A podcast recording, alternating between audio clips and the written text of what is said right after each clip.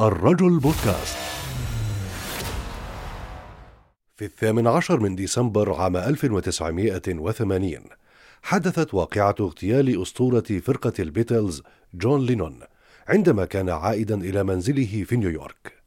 اغتيل من قبل مارك ديفيد شابمان من خلال إطلاق النار عليه من مسدس في ظهره. وصرح القاتل أنه قتل جون لينون لشدة إعجابه به وبفرقة البيتلز.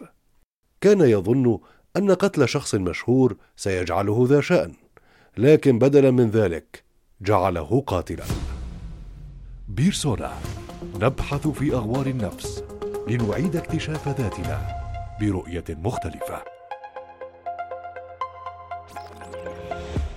العجيب أن شابمان لم يهرب من موقع الجريمة بل انتظر وصول الشرطة للقبض عليه ثم حكم عليه بالسجن مدى الحياة.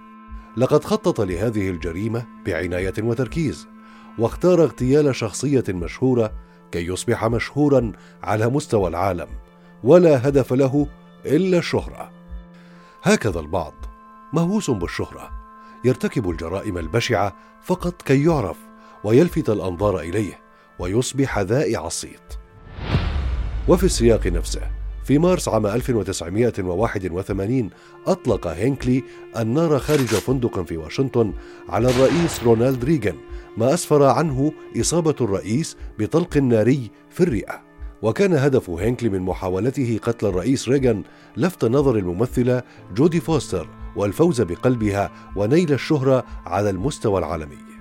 وهذا الأمر يدل بوضوح على أن الهوس الجنوني بالشهرة والمجد الزائف يعمي البصر والبصيرة معا فيفقد الإنسان أحيانا تركيزه واتزانه ويصبح آلة ميكانيكية عمياء قد يرتكب أية جريمة دون التفكير في عواقبها.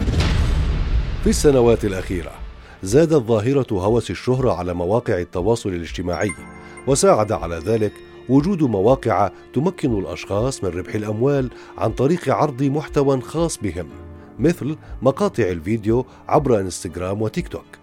ويطمح كثير من الشباب لتحقيق عدد مشاهدات ضخمة تمكنهم من ربح أموال طائلة بأي وسيلة مهما كانت غريبة أو خطره ماذا يقول علم النفس عن هذه الحالة؟ يشير علم النفس إلى أن الحاجة إلى لفت انتباه الآخرين أمر غريزي وعاطفي واجتماعي لدى الإنسان. لكن عندما يزيد ويصل إلى رغبة شديدة ومتزايدة في حب الظهور والشهرة مع الاستعلاء واحتقار من هم أقل منه يدخل الشخص تحت مسمى هوس الشهرة وقد يجمع بينه وبين بعض أعراض الاكتئاب. كما أن النرجسيه وعدم الثقة بالنفس والفراغ الاجتماعي والتقليد الأعمى يلعب دورا كبيرا. والتعرض لحالات فشل وصراعات نابعة من عقدة نفسية اجتماعية سلوكية تغذت بتربية خاطئة ومحيط اجتماعي يهمه الفوز بالمكاسب على حساب القيم هي واحدة من الأسباب النفسية المسببة لهوس الشهرة. وفي حالة الفشل يدخل الشخص حالة من الاكتئاب الشديد وهذا ما يسمى باضطراب ثنائي القطب وهو داء يفتك بصاحبه قبل أن يفتك بغيره كونه ينطلق من مبدأ حب الذات وتقديم كل ما قد يعده جيدا له دون التفكير بشخص آخر أو متطلبات أخرى. فلقد تحكمت الشهرة فيهم وتضخمت معهم الأنانية وصنعوا لأنفسهم صورة غير واقعية وحياة مزيفة. كما اخترقوا بأنفسهم خصوصية حياتهم وعرضوا أنفسهم وعائلتهم بكل ما تعنيه الكلمة لعيون الآخرين.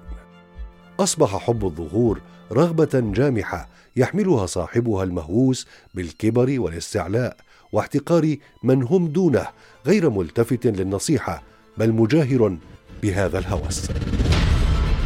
اذا ما الحلول العملية للتعامل مع هوس الشهرة؟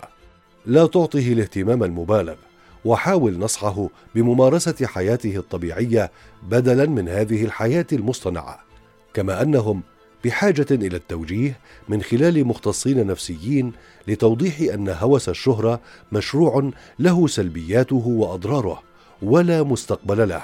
وتشجيعه على الثقة بالنفس واحترام ذاته. شاركنا آراءك وتعليقاتك ولا تفوت حلقتنا القادمة من بودكاست بيرسونا. بزاوية أخرى نرى أنفسنا.